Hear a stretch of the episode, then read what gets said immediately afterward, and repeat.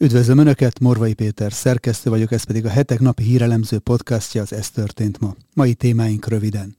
Úgy tűnik, ismét Benjamin Netanyahu alakíthat kormányt Izraelben. A volt miniszterelnök harmadszor is visszatérhet kormányfőként. Az orosz védelmi miniszter szerint Magyarországon is új több nemzetiségű zászlóai csoportokat hoznak létre, ami fenyegetés jelent Oroszország szövetségesei számára. Irán két napon belül megtámadhatja Szaúd-Arábiát, készültségben az amerikai haderő. Készenlétben a szerb hadsereg is, minden gyanús drónt azonnal kilőnek közölték Belgrádban. Rekord Milánóban. Több mint 13 ezeren vettek részt Franklin Graham evangelizációs eseményén. Önök a november másodikai adást hallják, a nap legizgalmasabb híreit és aktualitásokat a hetek válogatásában. Mindenről részletesen is olvashatnak és hallgathatnak a hetek.hu oldalon, illetve YouTube csatornánkon. Az adásban elhangzó témákhoz a videó leírásában megtalálják a kapcsolódó linkeket is. Köszönjük, hogy már több mint tízezren feliratkoztak a YouTube csatornánkra is.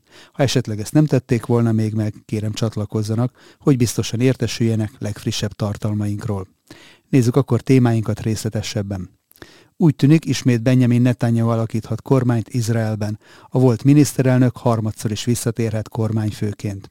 A parlamenti ellenzék vezetőjét támogató jobboldali vallásos tömb várhatóan együtt 64-65 mandátumot szerez a 120 tagú Knessetben, és több képviselőt küldhet a következő izraeli parlamentbe, mint a vele szemben álló pártok. Mi olvasható ki az eredményekből? Kik az igazi győztesek és kik veszítettek a legnagyobbat. A hetek gyors elemzése három pontban foglalta össze a tanulságokat. 1. Az izraeliek megelégelték, hogy jobboldali politikusaik eltérítik a szavazataikat, és nem engedték, hogy már évekkel ezelőtt nemzeti kormánya legyen Izraelnek.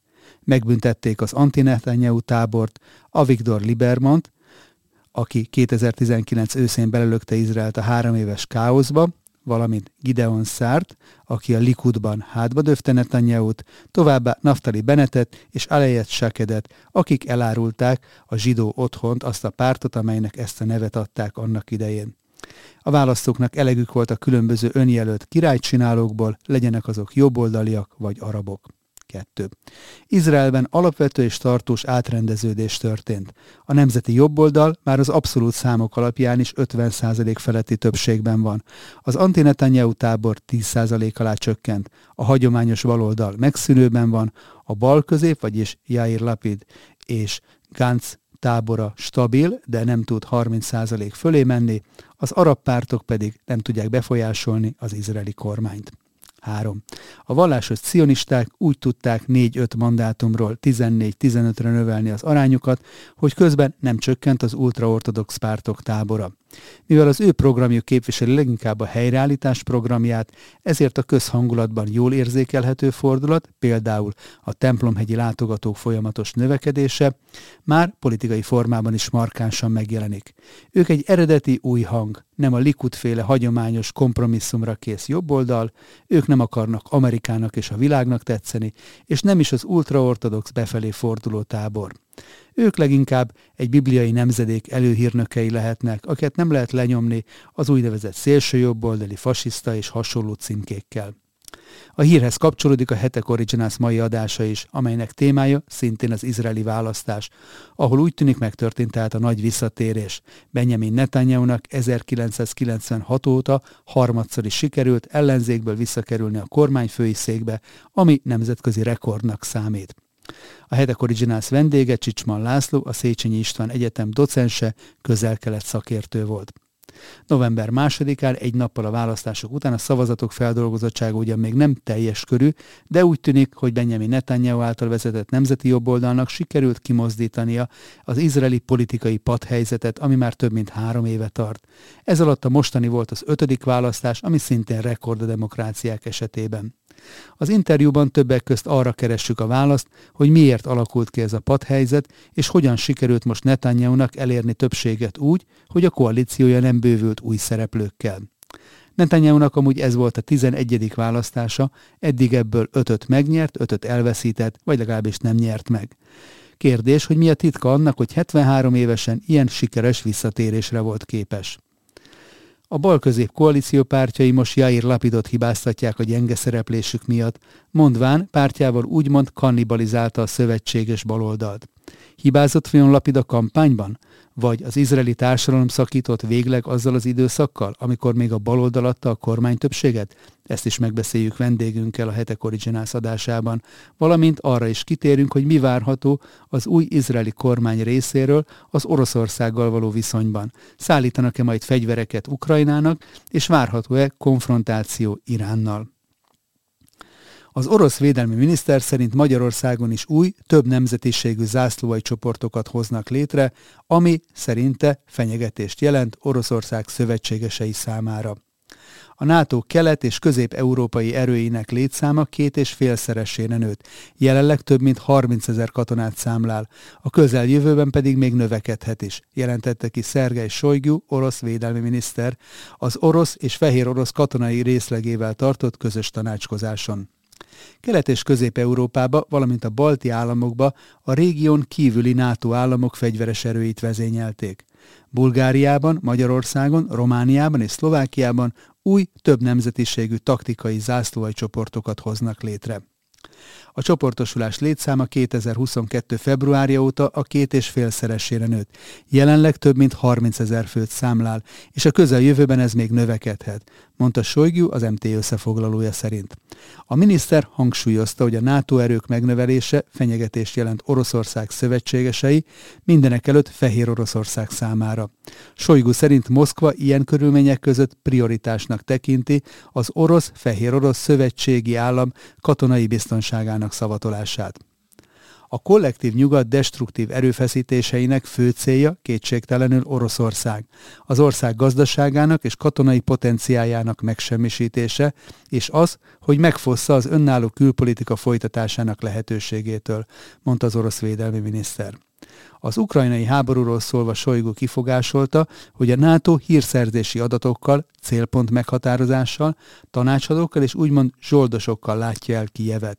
Nehezményezte azt is, hogy a nyugat a konfliktus eszkalálására ösztönzi Ukrajnát, és megpróbálja nem észrevenni, hogy tiltott hadviselési módszereket alkalmaz, beleértve a terrortámadást és a bérgyilkosságot.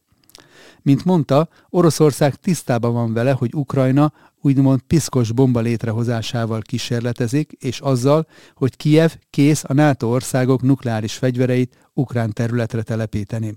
Emlékeztetett arra is, hogy Volodymyr Zelenszky, ukrán elnök nemrég felszólította a nyugati országokat, hogy mérjenek megelőző csapást Oroszországra.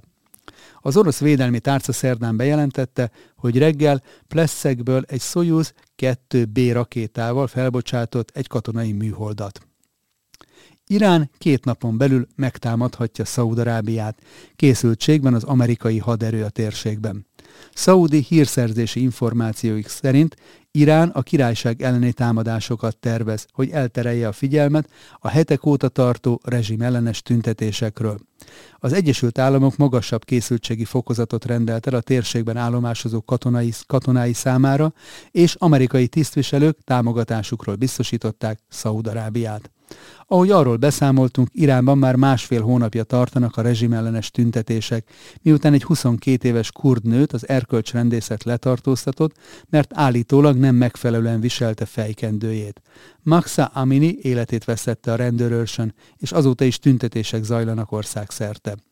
A szaudi hírszerzés figyelmeztetést tett közzé, hogy Irán a közeljövőben a királyság és az iraki Erbil ellen is támadásokat tervez végrehajtani, hogy elterelje a figyelmet a rezsim ellenes tömegtüntetésekről. Az Egyesült Államok Nemzetbiztonsági Tanácsának szóvivője úgy reagált a hírszerzési információkra, hogy készen állnak megvédeni Szaudarábiát és a térségbeli szövetségeseiket. Aggodalommal tölt el bennünket a fenyegetés, és folyamatosan kapcsolatban vagyunk a szaudiakkal a katonai és hírszerzési csatornáinkon keresztül. Nem fogunk tétovázni, hogy a régióbeli érdekeinket és partnereinket megvédjük, nyilatkozta a Nemzetbiztonsági Tanács szóvivője. Irán szeptember óta több mint 70 ballisztikus rakétával és drónokkal támadta Észak-Irakot, melyek közül az egyik Ebril felé tartott, ahol amerikai katonák is állomásoznak. Teherán azzal indokolta az Irak elleni támadásokat, hogy kurd szeparatisták tevékenykednek a térségben, és ők a hibásak a 22 éves kurd nő halála utáni tömegtüntetésekért. Az iráni forradalmi gárda parancsnoka októberben figyelmeztette Szaúd-Arábiát, hogy ne avatkozzon be az irániak körében népszerű, szaudi fenntartású Irán International rezsimkritikus híroldalon keresztül az ország belügyeibe. Ez az utolsó figyelmeztetésünk, mert beleavatkoznak a belügyeinkbe ezeken a médiumokon keresztül. Részt vesznek ebben az ügyben, és tudják, hogy sebezhetőek, mondta a forradalmi gárda parancsnoka. Hossein Salami emellett arról is beszélt, hogy Szaudarábia korszakának vége lesz, mert Izraelre támaszkodik, amely pedig az összeomlás szélén áll. Készenlétben a szerb hadsereg, minden gyanús drónt azonnal kilőnek. Az utóbbi néhány napban több drónt is észlelt a szerb hadsereg Szerbia és Koszovó határán. A pilóta nélküli repülőgépek katonai létesítményeket figyeltek meg, ez pedig elfogadhatatlan, hangsúlyozta Anna Branibic, szerb miniszterelnök a szerb közszolgálati te- televízióban. A miniszterelnök hozzátette a jövőben minden olyan drónt, amelyet a katonai létesítmények közelében érzékelnek, azonnal le fognak lőni. A szerb kormányfő szerint minden állam hasonlóan lépne fel, amennyiben ilyen esetet tapasztalna. Tájékoztatása szerint a drónok Koszovó irányából érkeztek, hogy felmérjék a szerb hadsereg állásait és felkészültségét. Miután észrevették a drónokat, a légtérvédelme érdekében a szerb MiG-29-es vadászgépek is felszálltak, a harci repülőgépeket pedig állandó készültségbe helyezték. Milos Vucevic védelmi miniszter az RTS szerda reggeli műsorában rámutatott arra, hogy a vadászgépek nem drónokra vadásznak, azok hatástalanítására megvannak a megfelelő módszerek, hanem a légteret védik egy esetleges komolyabb támadástól. Alexander Vucic államfő utasítására a légvédelem mellett a szerb hadsereg több egységét is készenlétbe helyezték. A szervezetők hangsúlyozták, hogy Szerbia a béke és biztonság megőrzésére törekszik. Véleményük szerint azonban a koszovói fél nem gondolkodik észszerűen, és mindent bevet a helyzet destabilizációja érdekében. Koszovó 2008-ban kiáltotta ki függetlenségét Szerbiától, de Belgrád ezt azóta sem hajlandó elismerni, és továbbra is saját déli tartományának tartja a többségében albánok lakta területet. Éppen ezért Szerbia nem ismeri el a koszovói okmányokat, és követeli szerbre cserélésüket. Albin Kurti koszovói miniszterelnök viszont határozottan kijelentette, minden a kölcsönös elismerésen múlik, amennyiben Szerbia elismeri Koszovó függetlenségét, akkor a koszovóiak hozzáállása is megváltozik. És végül a háborús hírek után következzen egy igazán jó hír, rekord Milánóban, több mint 13 ezeren vettek részt Franklin Graham evangelizációs eseményén. Látogatottsági rekordot döntött a hétvégén Milánóban rendezett evangelizációs esemény, amelyen Franklin Graham hirdette az örömhírt. A rendezvény több mint 520 olasz evangéliumi közösség és a Billy Graham evangelizációs társaság erőfeszítéseinek eredménye volt. Összesen több mint 13.200 ember vett részt az eseményen, ami a Noi Fesztivál nevet viselte, és amelyen a legendás evangélista Billy Graham fia hirdette az evangéliumot. Azért vagyok itt, hogy elmondjam, hogy Isten szeret téged, és megtalálhatod életed célját, ha hitedet és bizalmadat Isten fiába, Jézus Krisztusba helyezed. Ő a mennyből érkezett a földre, hogy megmentsen minket a bűneinktől, fogalmazott az ige hirdető. Az üzenet hatására több százan döntöttek Jézus Krisztus mellett. A szervezet közleményében arról számolt be, hogy ez volt a valaha legnagyobb összejövetel a Milánói Mediolanum Fórum nevű sportarénában, amely az esemény helyszínéül is szolgált. A komplexum már több mint három évtizede működik. Nos, ennyi fér bele mai ajánlónkba. Morvai Pétert hallották az Ez történt ma, november másodikai adásában. Holnap ismét várom Önöket újra aktuális hírekkel, ajánlókkal, és ha szeretnének ezekről biztosan értesülni, akkor kérem iratkozzanak fel a hetek YouTube csatornájára, ahogyan ezt már több mint tízezeren meg is tették, amit ezúton is nagyon köszönünk. Akik pedig szeretnék támogatni a hamarosan 25 éves évfordulójához érkező hetek elemző világértelmező munkáját, a leírásban szereplő linken találhatják meg az ehhez szükséges információkat. Köszönöm a megtisztelő figyelmüket, a viszont hallásra!